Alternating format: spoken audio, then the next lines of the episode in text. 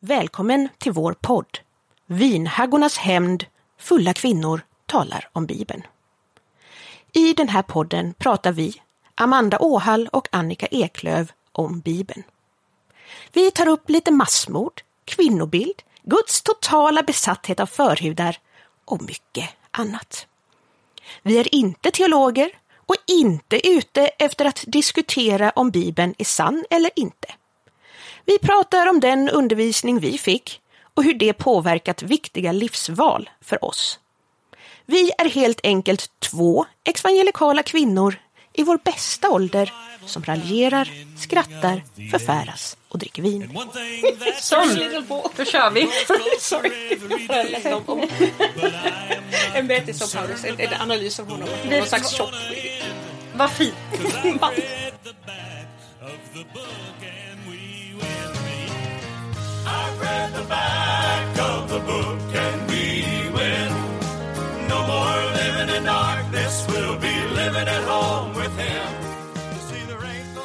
Hej Amanda. Hej Annika. Hur är läget? Det är bra, det är bra. Nu är det, nu är det bra. Det känns, Nu är det bra. Ja, Ja. Hur har veckan varit? Du har varit i farten. jag har varit i farten. Ehm, ja, det, jag har hållit på med grejer här och planerat och Det är ju att Amanda här är ju eh, våran, eh, våran laglydiga... Eh, vad heter det?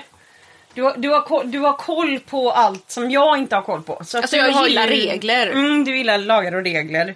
Eh, jag har ju inget konsekvenstänk överhuvudtaget. Så att mitt jobb i den här podden är i princip att dyka upp medan du har eh, du har mejlat med eh, rättigheter till musik och du har kollat upp alkohollag och du har grejat. Ja, eh, det har ju varit lite sådär rörigt där. Men, men eh, nej, men det, jag tänker ju att vi, vi dricker ju alkohol liksom. Ja. Eh, och, och så har det ju att göra med då vilka lagstiftningar som finns och sånt. Och så spelar vi musik och vad är det för lagstiftningar kring det?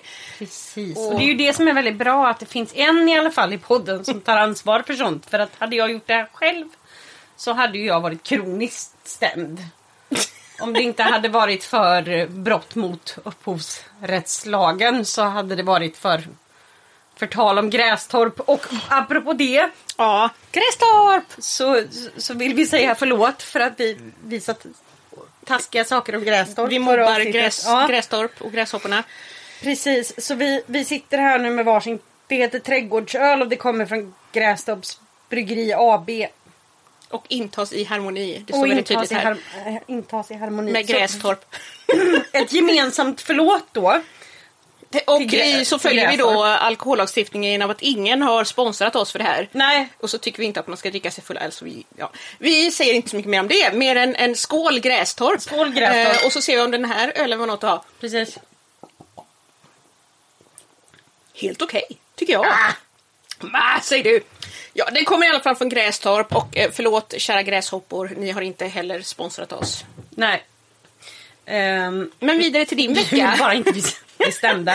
Nej men jag har väl, jag har väl varit, mest varit arg i lokaltrafiken, arg på jobbet och eh, arg på, på människor. Så Det har varit en helt vanlig vecka. Mm, en vanlig vecka för dig, mänskligheten är ond. Jajamän. Eh, och Nej inte dig. ond, bara vansinnigt i vägen och eh, eh, irriterande. Men, eh, nej, men utöver det så det har ju pågått.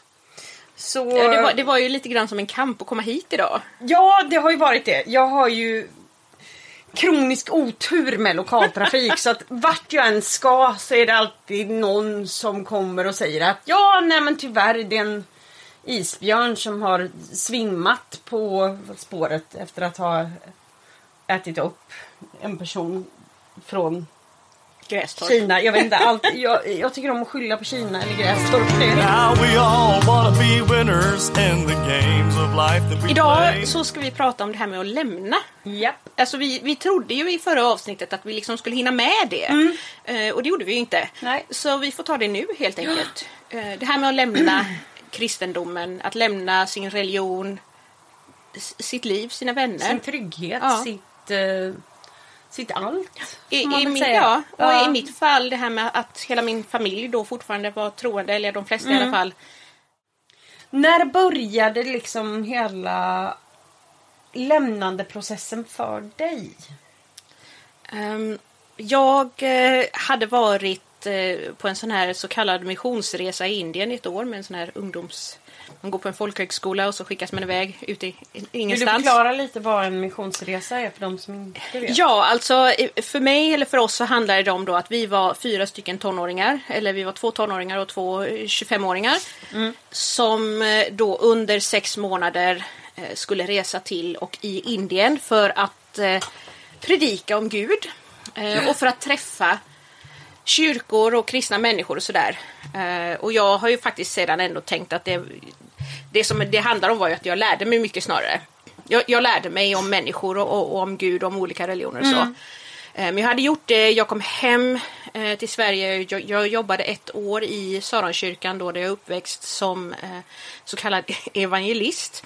Eh, och jag tjänade den fantastiska summan av typ 8000 kronor före skatt.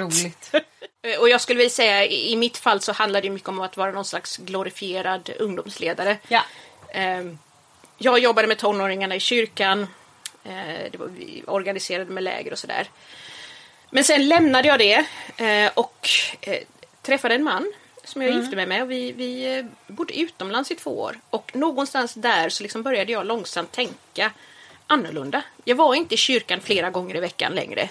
Eh, det var inte lovsång och jag stod inte i kören och, och eller jag predikade inte och jag hörde inte predikningar jämt och ständigt. Du blev inte konstant matad med det och var liksom i stormens öga. Nej, och istället blev jag intresserad av mänskliga rättigheter, av fackliga rättigheter. Jag började lära känna människor som, som kom från helt andra delar av liksom, samhället. Eh, Och, och det var jättespännande och intressant. Och sen när jag kom hem till Sverige så kände jag att jag liksom inte riktigt passade in. Eh, Men samtidigt var det, jag trodde ju ändå väldigt mycket på Gud. Och hela idén var ju att ju mer du tror på Gud och så tvivlar du, desto mer måste du tro på Gud. För att när du tvivlar så är det ju du själv som är ansvarig för att du tvivlar. Medan allting bra kommer från Gud. Så, så jag tvivlade väldigt mycket. eh, Och kände väldigt mycket skuld över det. För att det betydde ju att Gud fanns. Är, här får vi ju bara lägga in en Ja. liten paus där. Därför att det är ju så när man är kristen. Så vi blev ju under mer än tio års tid Ja. eh, indoktrinerade och undervisade om att om du tvivlar eh, så är det, då har du några alternativ. Antingen att det A är fel på dig, du tänker fel. Japp. Eh, eller B, du är attackerad personligen av djävulen. Eh, I vilket av det här, du, du sa det att det var lite ditt fel. Kom du till det här någon gång med att det var liksom, det kallades för en attack? Ja, Attacker från djävulen? Eh, hela min tonårstid egentligen så, så fick jag ju höra då att för att jag mådde väldigt dåligt, jag var deprimerad, jag var trött. Eh, det var mycket liksom som pågick i mitt liv och eh, jag började få det som jag idag vet är panikattacker. Eh, och då fick jag höra från en, en väldigt ung ledare som, som inte behöver få ett namn men som säkert inte heller riktigt visste men, men jag fick förstå då att det här var att, att djävulen ville bli av med mig och ville få mig att liksom dö och så vidare. Eh, Och det, Lite och det, som i Harry Potter när Voldemort attackerar. Ja men precis, Ja. det är så här, jag blir attackerad av dementorerna som är Voldemorts liksom, tjänare. Precis så, fast liksom med djävulen. Ehm, och eh, det var en väldigt liksom, svår situation för mig. För att om, om jag då mådde dåligt så var det djävulen. Men sen hamnade man ju också i det här eh, liksom senare och emellanåt och sådär att, att eh, jag, jag liksom kunde inte känna av Gud. Jag kunde inte känna Nej. när jag var på ett möte eller vi sjöng lovsång eller någonting och då kunde jag liksom bryta ihop och, och liksom gråta i total fruktansvärd sorg. Eh, för att det betydde ju att det var fel på mig. Eh, vi sitter där, vi sjunger lovsång. Uppenbarligen finns inga demoner närvarande och så känner jag inte Guds kärlek. Eh, alltså hela den här känslomässiga grejen och då då är det ju mitt fel. Eh, och ju mindre jag då känner att Gud är där, desto sannare är ju Gud. Så det betyder att som troende, om du slutar du tro, ja, men alltså om du slutar att tro på Gud så betyder det bara att Gud finns. Därför att tvivlet är det själv. Allt som är dåligt är ditt Just kött. Mm. din kropp, eh, dina tankar. Ja. Och allt som är gott, allt som är positivt som händer är Gud. Så, att- så att det blir ju en ganska konstig cykel där eh, allt att, av att inte tro betyder att du måste tro. Och jag, eh, just då när jag, var, när jag liksom levde utomlands i två år så, så fick jag möjlighet att liksom bara släppa det. Jag behövde inte tänka på det liksom. Gjorde den tiden utomlands dig lugnare eller blev det liksom mer stasat? Det, jag blev väldigt lugn då. Ja. Men sen när jag kom hem igen, då blev det väldigt stasat. Som du säger då. Alltså det blev det väldigt jobbigt. Eh, och, och jag hamnade i en situation där hela mitt liv förändrades samtidigt. Var det i och med skilsmässa? Jag skilde mig. Ja. eh, Och det här var ju då... Egentligen så kan man säga att allting förändrades i och med Knutby. Skotten Just i. Knutby. Mm. Jag... Eh, eh, på något sätt allting som jag hade tänkt, allting som jag hade trott bara ställdes på sin spets. Och, och jag, jag blev arg. Och jag bara sa nej, hit men inte längre. Liksom, nu, nu får det vara nog. Eh, och samtidigt då så, så var jag inne i en situation där jag eh, några månader senare skilde mig. Och jag eh, fick liksom inget stöd ifrån någon i församlingen eller i min familj. Det fanns liksom inget riktigt, man kunde inte riktigt förstå det här. Nej. eh, Att jag skilde mig. Men, men just det här att lämna tron var ju att, att jag plötsligt stod inför en situation där samma tro som jag var uppväxt med eh, var det som man trodde på i Knutby, eh, även om det liksom användes lite olika. Och så leder det till, till mord och mordförsök. Får jag bara göra en liten förklarande Ja. del att det är just den här biten som Knutby är så känd för, det här med Kristi brud. Mm. Det predikades inte i frikyrkorna. Det Nej. här är en helt egen del som de har haft. Ja. Men- i samband just 2004 med det som skedde i Knutby eh, flera, eller ja, ett antal unga kvinnor från min eh, församling, från min kyrka och min vänskapskrets eh, hade liksom hamnat i Knutby och plötsligt så blev det liksom väldigt eh, levande för mig vad en religiös tro kan göra och vad den kan leda till. Och att det här, i det här fallet så ledde det till mord. Ja. Eh, Men samtidigt så kände jag ju då att, att visst, jag var inte redo att mörda någon, men jag var alltid beredd att dö. Verkligen. Eh, Jag var alltid beredd att dö för Kristus. Jag var beredd att bli misshandlad för Kristus. För det var Herregud, sånt vi hade lärde oss. En liten, en liten Ja, här. Vi hade ju alltså på riktigt det som pågick på 90-talet. Jag vet inte hur många möten jag var på under 90-talet och tidigt 2000-tal där det faktiskt stod predikanter uppe på estraden och tvingade oss att eh, alla ni som är beredda att dö här och nu för Kristus, upp med en hand. Precis. Upp med en hand eller ställer upp. Ställer eller, ja, upp ni som är villiga. Alltså det var, det, det var en så skadlig miljö. Så Det blir en dödskult. Ja, det Eh, blir det. Livet efter detta är värt mer än det här Mm. livet. Eh, Och det blir på något sätt ställt på sin spets i och med det som händer i Knutby. Eh, Och för mig, den här liksom lite långsamma processen som jag hade haft innan. Till slut så bara, jag såg inte ut. Nej. Jag var tvungen att bara säga antingen så tror jag på det här eller så tror jag inte på det här. Och då kände jag att nej, men jag tror inte på det här. Nej. Eh, Och det var... Alltså det var otroligt traumatiskt. Jag vet, det kändes som att stå naken. Alltså man brukar ibland säga att man står naken inför Gud. Och att man liksom, ja, knappt ens finns för att Gud är allt du är och blir och jag vet inte. Ja, nej men alltså uttrycket naken inför Gud. Det är ju, vi kommer ju, vi kommer ju ha ett fantastiskt eh, avsnitt längre fram som heter Är det lovsång eller är det porr? Precis. Ehm, Men, men det är väldigt mycket sådana. Här står jag, ja men här står jag naken, avklädd inför dig. inför dig. Men någon jag slags, lägger ner allt. Ja, någon slags Ehm, idé om att Gud kan se innanför allting. Precis. Men jag kände mig plötsligt helt avklädd, helt naken inför världen. En Mm. värld som jag...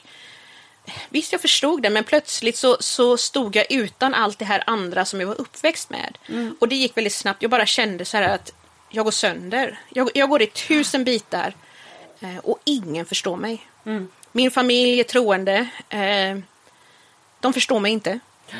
Eh, jag skiljer mig från min man. Och han och hans vänner som jag har umgåtts med mycket tidigare. Det är klart jag vet att de är ju hans vänner. Ja.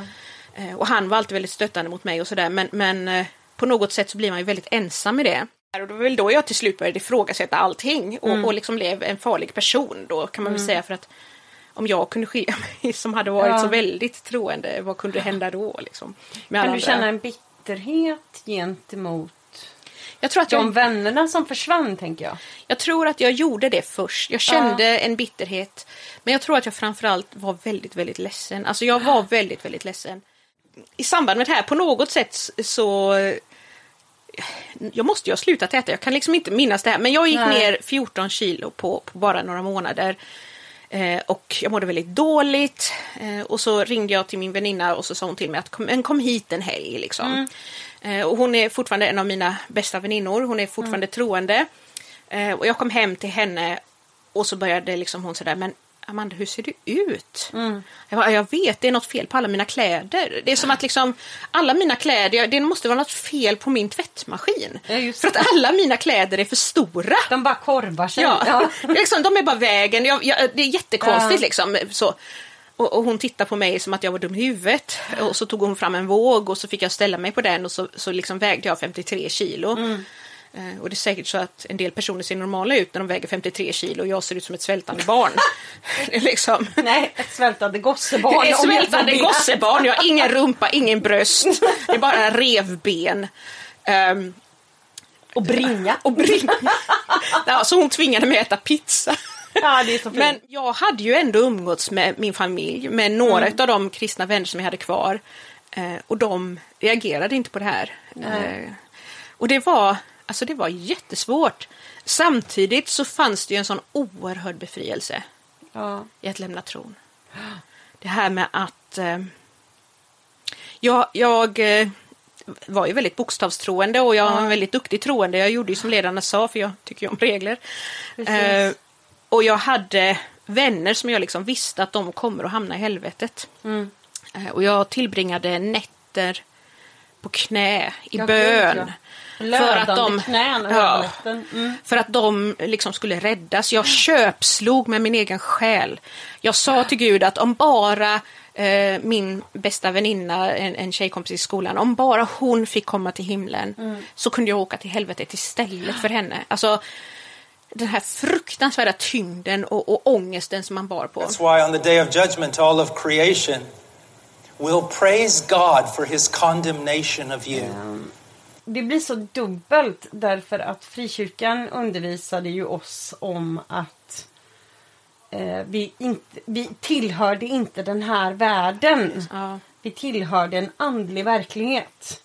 Och att de som trodde samma sak, de var din familj.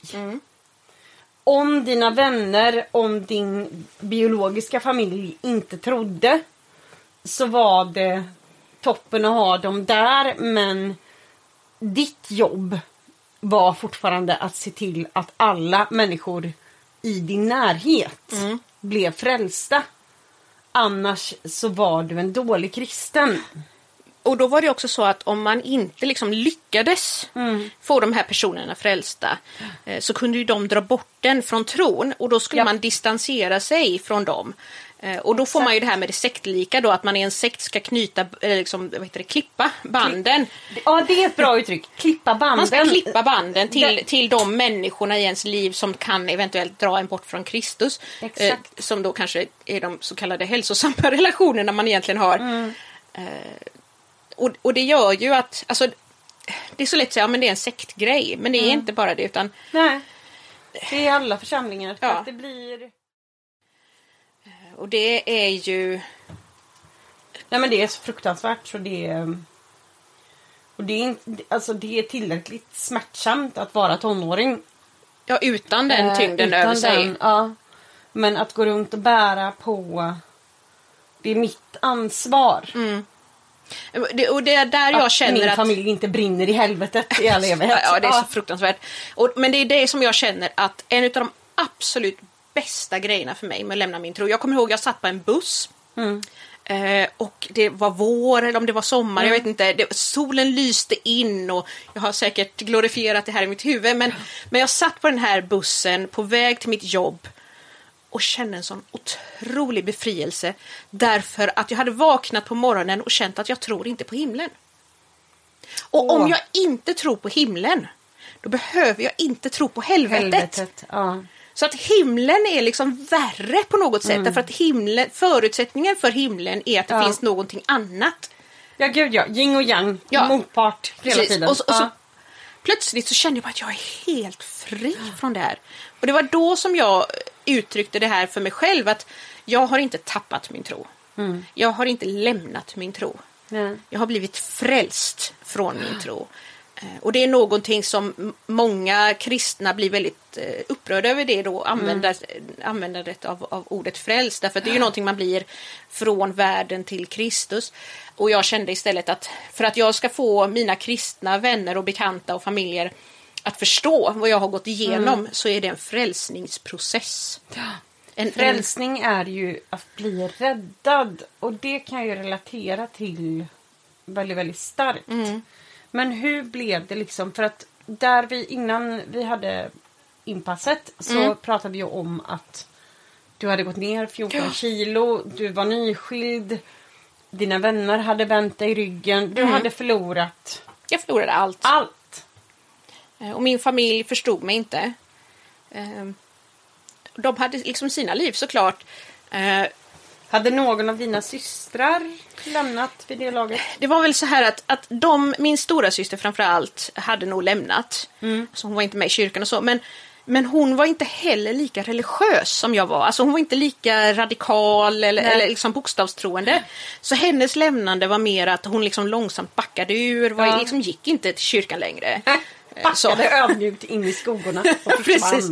Det, det enda hon gjorde var Ha att hon, hon, stod i, hon, stod, hon stod i köket på de här lägren, vilket Ja. ledde till många konflikter mellan mig och henne för att jag var troende och inte hon då. Eh, men... eh, och, och sedan min äldsta lilla syster, hon, hon var nog också sådär att hon var liksom inte riktigt med i den här radikala... Hon är, Nej. och, och sedan då Betty, min, min yngsta syrra, Ja. hon är så många år yngre. Så att när hon var tonåring då hade liksom de här ledarna försvunnit. Så att även Ja. om hon väldigt länge tror jag var troende och kanske fortfarande är det, jag är inte helt säker, så, så är det en helt annan typ av tro. Ja, den är väldigt annorlunda. För jag pratade med en av mina absolut bästa vänner ehm, för ett par veckor sedan. Mm. Och hon är ju uppvuxen i det. Hon kommer ju ifrån eh, en av de här... Alltså de familjerna i frikyrkan som var lite mer åt hippiehållet. Ah, mm. Det var ju alltid de som ja, men, flyttat till Afrika. Skulle jobba Ja, med jag jordbruk. att min familj det. ja, det är så jävla gött. Ehm, och hon har ju inte alls samma... Hon har ju, hon har ju för det första inga diagnoser kan man ju börja med. Så till skillnad från vissa andra som sitter i det här Jävla normperson. Men nej men. så, alltså för henne, hon blir ju helt frånvänd när jag pratar Mm. om hur jag fungerade när det begav sig.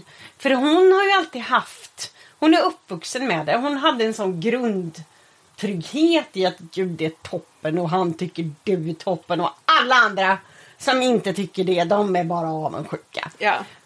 Och det, det är så grundmurat hos henne. Och sen så också så hon säger, ja men bibeln är ju mer så här. Det är ju en Alltså gullig sagobok, en riktlinje att hålla sig efter. Eh, och jag kan ju känna att eh, Satan var toppen. Och ha sån självdistans. Ja, men för, för mig då när ja. jag liksom slutade tro på Gud och slutade tro på Bibeln eh, så blev jag ju istället väldigt intresserad av vetenskap och av sanning. Liksom. Mm. Jag tycker ju ändå om sanningar och regler och lagar. Vi har ju lite olika där att, att jag hanterar världen genom att tro att den på det stora hela inte är ute efter mig. Mm. Eh, utom då när jag inte tycker om lagar och regler och världen är ute efter mig. Ja. Eh, men för dig så är det mer som ett, ett, ett simmande i ett hav där, där du inte vet, Ja, ja, vet nej, exakt nej, vad men som alltså gäller. för mig, för mig så jag, alltså, jag, jag, är ju, jag är ju uppvuxen med en väldigt tydlig bild av att universum är ute efter att sätta dit mig. Ja. Jag tänkte mer att du liksom kanske kände så här att universum är kaos.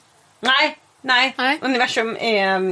Vi har ju heller, jag, har ju, jag har ju heller ingen sån här rimlig självbild så att jag är ju antingen sämst eller så har hela universum sitt fokus på att förstöra för mig. Ja, eh, Eller så är det bäst. Det, jag har ju gärna det. Ja, det har ju inte jag. Jag har inte den grejen. Jag, Det är bara jag som tycker att du är bäst i det. Ja, Det är alla vi andra omkring dig som tycker det. Ja, jag vill våga påstå att det finns en hel del människor som går beg to differ. Men... Det, det har jag med.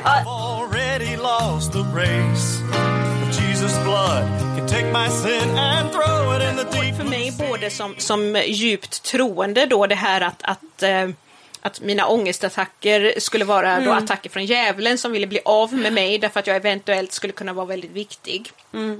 Eller bara att jag var kass liksom, och djävulen attackerade mig. Eh, och, men också att hela den här känslan av att alltid vara inne i någonting som, som var svartvitt. Eh, antingen så, så gjorde du rätt eller så gjorde du fel. Ja. Eh, och, och det var ju inte så att liksom vi hittade på eller kände det här. Nej. Utan det här handlar om att våra ledare talade om för oss att så här säger Gud, så här säger Bibeln eh, och så här ska du leva ditt liv. Och det här var inte, det här kan vi tillägga att det här var inte någon gång ibland under året. Nej. Utan det här skedde flera, flera gånger i veckan. Ja. Under många, många, många år. Alltså, och det var väl en del av min frihet när jag lämnade tron därför att ja, först gick man då på tisdagarna, då hade vi tonår och sen var jag ledare för tonår. Eh, och sen på onsdagarna var det scouter och då var man lite yngre och sen var jag scoutledare.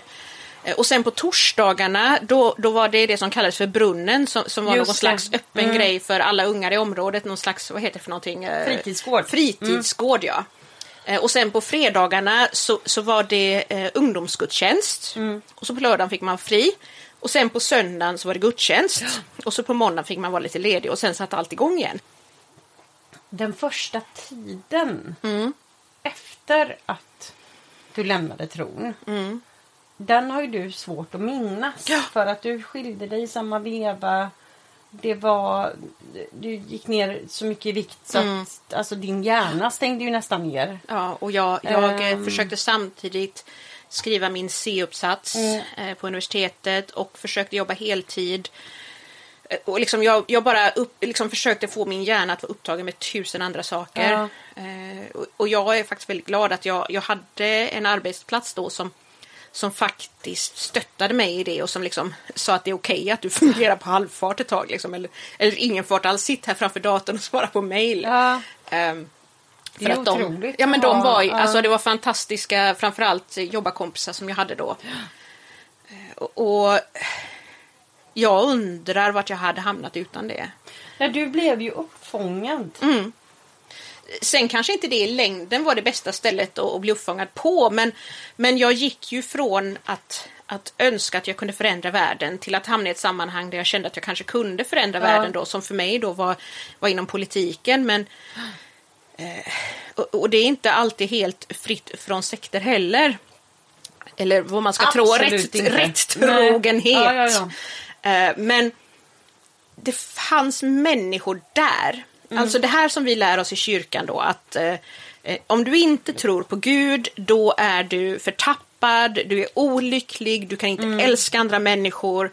Eh, jag vet inte riktigt, alltså om, Nej men alltså man får ju undervisningen i kyrkan i princip att när man går ifrån tron så, ja, nej men det, vips! Så är, Ja. du, så är du massmördare. Ja, men, alltså, men det är också det här, att det ska finnas någon slags meningslöshet. Ja. Eh, och för mig det som hände var att de enda som fångade upp mig, de fattade liksom inte alls det här med kristendomen. Nej. Alltså, de hade ingen koll på det. De såg bara att jag mådde jättedåligt, Ja. jag gick ner i vikt. Eh, jag eh, började försöka röka, jag var helt inkompetent på det, det gick inte så bra.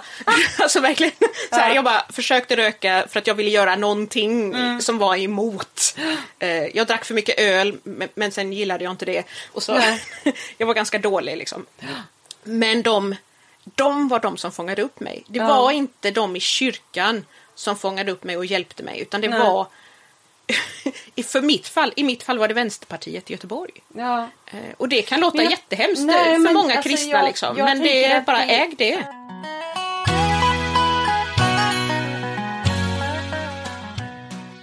Nu har jag berättat lite om mitt lämnande, men, men hur var lämnandet för dig? Alltså det var ju... Det, det var ju ganska dramatiskt får jag väl ändå säga. Jag hade väl under en längre tid känt att jag stått och stampat i mitt liv och i min tro och jag såg runt omkring mig hur eh, li- livet liksom hände för alla runt omkring mig utom, utom jag själv. Eh,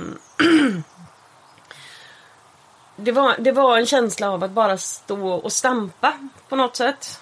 Eh, och det blev eh, med tiden också så utvecklades ju Gud från att vara den här kärleksfulla fadern som jag hade fått presenterad för mig till att nästan bli mer åt det sadistiska hållet. Och det är ju inte bara... Det, något sånt händer ju inte bara och bara. Utan det här var mycket för att jag kände mig utnyttjad. Jag kände att min tid var väldigt, väldigt utnyttjad. Därför att nästan alla andra var ju vid det här laget gifta och hade sina familjer och hade då en anledning till att säga att vet du vad, i det här fallet kan inte jag hjälpa till. Ehm, Jag måste prioritera familjen.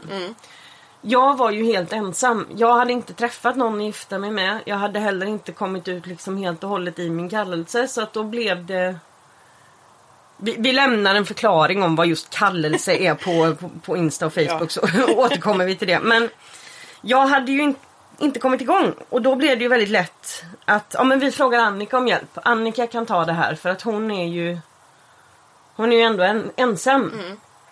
Ehm, så i mångt och mycket så kunde jag känna att min tid och min kraft blev utnyttjad. Och det är ju genomgående lite grann tycker jag i frikyrkan det här med att de ensamma kvinnorna, de som har liksom blivit över eh, på något sätt, de, de utnyttjas eh, tidsmässigt och eh, liksom deras eh, själ höll jag på Ja, säga. du nämnde ju det, du liknade ju det lite vid ehm, den här boken som vi har läst. Kristi brud slav av Josefin Frankner. Ja. Där hon pratar just om det här att eh, Åsa Waldau då separerade föräldrarna och barnen så att föräldrarna alltid skulle liksom vara redo att tjäna henne först. Ja. Och det var lite den känslan jag hade. Faktiskt inte lika mycket mot församlingen som jag jag kände gentemot Gud. För att de pratar ju hela tiden om hur, ja, men hur bra livet ska bli och allting. Och mitt liv, det kom liksom aldrig igång. Jag kände aldrig att det blev bra. Jag kände att jag fick hjälpa till med den ena saken värre än den andra. Och till slut så brast det för mig. Jag har ju tendenser åt lite tvångsbeteende också. Hade, du kommer ju ihåg mina extrema hygienfobier och sånt i tonåren. Ja. Men jag har lite sånt tvångsmässigt eh, lätt att tankar fastnar i huvudet. Så mot slutet så var det så illa så att jag såg ju på Gud som en, ja, men som en ren sadist. Som den här jävla ungen med en, ett förstoringsglas. Som sitter och försöker elda upp myror. Och jag var då myran. Och det här spann ju runt i mitt huvud om hur försumbar jag var i Guds ögon. Att han så att säga då välsignade, bara gav bra saker till dem som redan var oförstörda. Redan var fina tjejer. Medan jag kände mig som en avfallshink. Att jag fick bara ta det jobbiga, det som ingen annan klarade av. Kan du ge något exempel på, på det här? Vad handlar det om? Typ ta hand om tonårstjejer? Ja och- men alltså det är ju, man får inte glömma bort det att människan är ju en bottenlös avgrund av behov. Och man skulle alltid finnas till hands för alla dessa människor som mådde så dåligt. Man skulle... Nej men... De skulle bo hemma hos en. Det var... Det var, det var ju väldigt viktigt det här att ens hem var öppet. Vilket jag alltid har hatat. Ehm, Och att man alltid skulle finna, det var alltid någon som hade en kris som man var tvungen att hjälpa. För att det står ju till och med i Bibeln att om du förnekar, vad är det nu, nu är jag dåligt förberedd men det här med att du ska liksom inte vända bort din blick för de, mina minsta. Alltså de som är utslagna i samhället, barn eller vad som helst. Utan de ska du hjälpa annars så blir du inte hjälpt av Gud. I princip kan man översätta det till. Och då blev det Ja men det var, det var nästan som, som en tsunami av människor som drunknade i deras behov. Jag var Jag var helt förstörd av Och det var ingen som liksom tog den rollen för dig heller då utan du Nej, skulle... nej, nej, nej, nej. Alltså det var liksom bara... Jag skulle bara liksom ha mitt öppna hem. Och så skulle människor vara där hela tiden. Och så skulle man... Just det jag säger med tvångsbeteende, det är just de här bibelorden liksom. Som malde mycket i huvudet.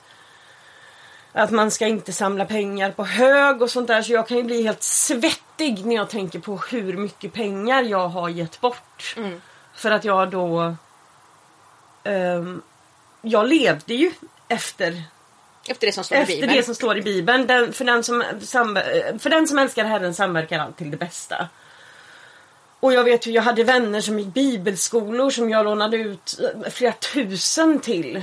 Och sen så fick jag ångest när jag skulle be om det tillbaka. För jag fick ju inte ha något för mig själv. Så då var jag alltid sån att jag ja, men efterskänkte det. Och det här är liksom sånt som jag hade kunnat ha ett sparkonto och de här personerna minns förmodligen inte ens Nej. att det här har hänt. Um, så jag kan ju känna mig duktigt bitter ibland på grund av det.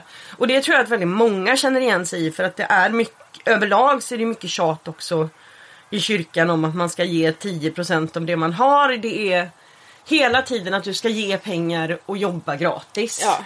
Ehm, och de som blir avlönade blir ju inte ens skäligt avlönade. Nej, Hur tjänade du när du var anställd som evangelist? Ja, jag var, jag var evangelist i ett år. Jag tjänade eh, 8000 kronor i månaden före skatt. Now I ain't saying she a gold digger. men, Nej men det är ju alltså det, det är ju det är slavlöner. Ja. Och man utnyttjas Medan till då, max. samtidigt, du, det här var ju då inte din hemförsamling alltså, som du är uppväxt i utan då här var ju Jo, du visst... jo då var jag, jag var, jag var inte i Nej, Stockholm då. Utan i Stockholm. Jag hade flyttat tillbaka från Stockholm. Ja, okej. Men alltså där när jag var med i Karisma Center, om det var några som sög ut människor ekonomiskt, det var ju dem och det kommer vi ha ett eget avsnitt av som heter Slander. Eh, nej, men, jättebra avsnitt. ja, precis. Nej men utan då var jag, men det här är ju så himla vanligt i alla kyrkor att man ska engagera sig i församlingen och man förväntas det är, det är inte ens någonting, man förväntas ta det här ansvaret. Mm. De enda som slipper undan det är de som har, är gifta och har barn Ja. för att de behöver prioritera familjen. Och då är det nog också så att, att de slipper inte heller undan. Vi kanske bara inte ser det. För jag tänker ändå... Ja, de får nog städa mycket på Ja, söndagar på- tänker jag. Ja men det, sen är det, ska ju de köra sina barn då till eh, alla så här scouter och tonårsgrejer och så förväntas de själva kanske vara ledare för de här sakerna. ja. Eh, men eh, samtidigt så ska ju de då prioritera familjen. Jag kan ju tycka ändå att jag vill ju inte ha en familj så jag, Nej precis, nej men de, de jag kan har tycka nog att det är ett mycket... straff i sig.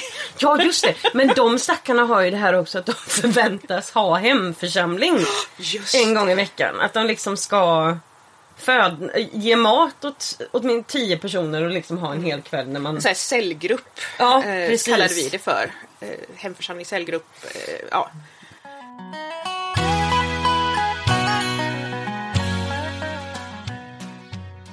Det finns en komiker som heter Dave Chappelle.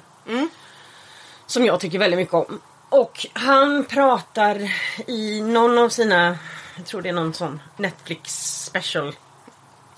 Om en bok han har läst som handlar om en hallick. Eh, som heter Iceberg Slim. Det kunde man bara heta om man var Ja halv. jag. precis. Nej men han, han pratar ju då med en, han söker råd den här halliken hos en äldre Halleck. Eh, och frågar då hur han ska hantera en ja, men, bo- bångstyrig hora helt enkelt. Eh, han får inte kontroll på henne så han frågar den här äldre mannen då hur ska jag göra för att få kontroll över henne? Och den här äldre mannen svarar det är enkelt. Du bankar skiten ur henne med en kläd, en, en galge. Och sen när hon inte klarar mer, då tappar du upp ett, ett bad. Eh, du ger henne lite piller och något glas vin och klappar på henne. Hon kommer vara så tacksam över att misshandeln är slut. Att hon kommer glömma att det var du som utsatte henne för det. Vi låter den sjunka in lite. Men om man tänker på det, det var exakt så min relation till Gud var, så som jag upplevde den. Att jag upplevde en oupphörlig misshandel. Och sen så ibland så kom det ett stopp och jag blev lite omhändertagen och fick må bra. Men jag blev ju omhändertagen av min förövare. Och där är det ju liksom att det här har ju... Det här är lite jobbigt att prata om. Ja, men Mm. det förstår jag. Eh, Det är jättetungt. Eh, och, och då liksom börjar ändå det här som en oerhörd kärleksrelation för dig Ja. i liksom tidigt tonår. Där du träffar en gud som är en far eh, och som senare förvandlas till att, att bli en förövare. Ja. Eh, Jag blev frälst 1993 för att jag ville ha en personlig relation med Gud. Och jag blev avfrälst när jag var 26 för att jag inte ville ha jag ville inte ha en personlig relation med Gud alls. Något, på något sätt. Och då fanns det liksom ingen plats för mig att börja bygga upp ett nytt liv där jag var. Jag hade ingen, in- ingen trygg plats att utvecklas och experimentera utan att vara under lupp. Ehm, så jag gick, jag gick i landsflykt i nio år för att jag för att skapa ett nytt dig. Ja, men också det man kan, man kan ju flytta ett halvår till, till Göteborg. Nej, nej! Hej då för alltid! Ja, men jag, jag älskar ju att åka utomlands och, och gömma mig även om jag bara liksom får göra det en vecka här och där. Eh, så att, hatar pandemi. Men eh, Verkligen. att, att åka i landsflykt tycker jag känns, känns som att det kanske var det absolut hälsosammaste du kunde göra. Ja, det, så kan man ju se det, men mina livsval som jag tog när jag gick i landsflykt de var väl allt annat än hälsosamma. Det var bara jag ska göra allting värst!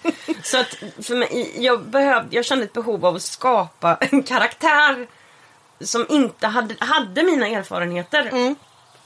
Så att alla såna här, jag har ju aldrig haft, du vet, såna här milda, naturliga förstagångsupplevelser. Utan jag gick ju in i saker med ett maner som människor som har hållit på med de här grejerna i tio år gjorde.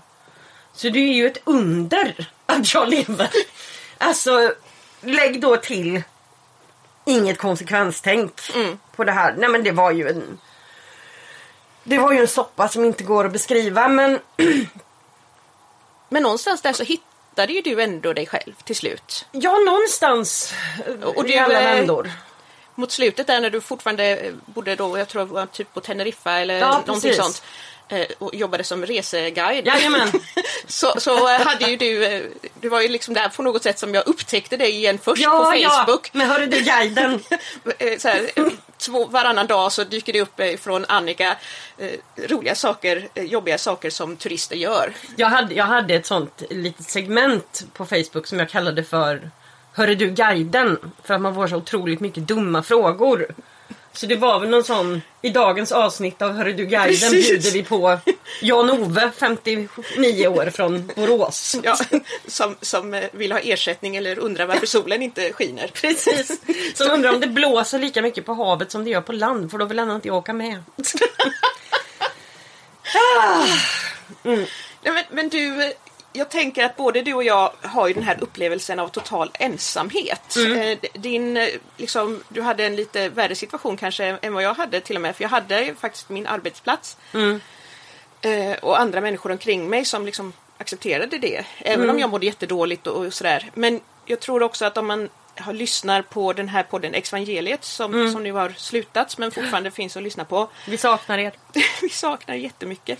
Eh, så är, återkommer ju den här berättelsen eh, om, om eh, utanförskapet, ensamheten, när man lämnar. Eh, och, och att det enda som kyrkan försöker göra är just de här narrativen att du har bara råkat ut för fel församling. Precis. Eh, du kommer må bättre om du tillhör en, en församling igen. Du har inte lärt känna Gud på riktigt. Du har gjort allting fel och om du bara inte var dum i huvudet så skulle livet vara mycket bättre för oss alla. Ja, finns det liksom så här, varför lämnar människor kyrkan? Det är en stor grej som har diskuterats mycket nu. Och jag tänker så här, för att de vill. För att de vill. För de vill inte vara kvar. Nej. De mår inte bra. Och då kan Ja. man ju tänka sig att de som är kvar i kyrkan skulle kunna respektera det. Och träffas Ja. och ta en kaffe och, och prata om andra saker. Och kanske förstå att Alltså du är så rå och så sårbar och så att när det blir en sån här jätteextrem växling i beteende efter att man har lämnat. Det är, för nu kommer jag faktiskt eh, citera en grej från evangeliet. Anna sa en så bra sak att hon sa någonting om att hon är i 30-årsåldern och behöv, skulle behöva gå på socialt dagis. Ja, Eh, för att man har liksom missat så många grejer i utvecklingen som andra har gått igenom. Själv har man lärt sig jättemycket andra saker. Men det, det är lite som att ehm, men man har en världsbild som, som liksom är, är fortfarande är lite skev. Man behöver... man är fortfarande livrädd för att brinna i helvetet eller falla död ner. Ja, Alltså det, ehm, det är så många sådana saker som, som ingår. Det är så mycket kaos och tumult. Och att då som att då som fortsatt troende möta en vän som har hoppat av. Du kan inte, du kan inte belasta den personen med din så kallade nöd. För det, det, är, det är inte okej. Den ska Nej. inte behöva bära det. Alltså, Nej, det och här är en inte- trasig, ledsen människa som förmodligen har lite problem med dissociation också. Var snäll, bjud på hamburgare och håll käften. Nu följer ett meddelande till allmänheten. Om du är en vit kristen man som vill förklara hur det egentligen ligger till anmodas du att avstå. Du riskerar också att hånas i framtida avsnitt. Slut på meddelande. Då ska det väl alltid komma in någon man eh, och säga någonting om att ja men det, man ska tolka det på det här sättet för enligt den här texten bla bla.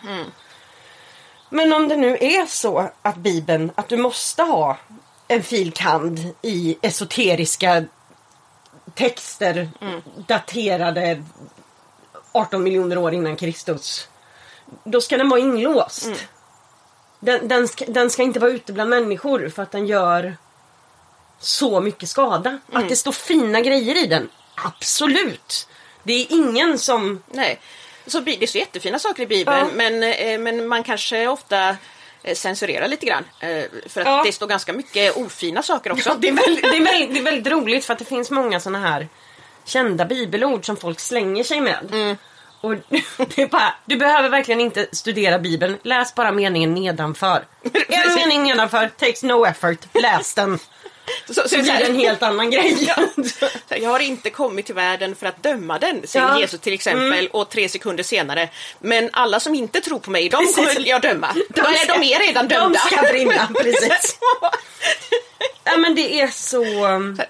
Läs meningen nedanför. Läs meningen nedanför, det är egentligen allt vi ber om. Ja. Hela den här podden egentligen Ja. handlar om läs meningen nedanför. nedanför, precis. Läste du något fint i Bibeln, kolla vad som händer Ja, sen. kolla vad som händer sen. Ja, men jag tänker så här, det är jätteskönt att eh, det har varit ett väldigt känslosamt avsnitt Ja. det här. Eh, och eh, även om vi skrattar lite grann också så, så har det varit eh, Ja men vad fan ångest ska och man tårar. göra? Ja. Ja. Eh, men jag tänker vi avslutar här och sen så kommer vi i nästa avsnitt så blir det väl Johannes evangeliet kanske? Ja. Då ska vi liksom gå in på ordentligt på Bibeln. Då jävlar blir det meningen under va? Då blir det verkligen Ja. meningen under. Hela, hela Johannesevangeliet är meningen under. Ja, precis. Nej men så det är bra. Så då rundar vi väl av. Ja. Då, andra avsnittet. High five. Ja, high five! Tack för idag.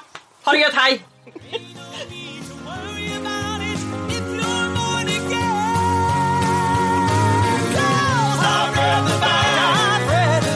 I've read the Bible.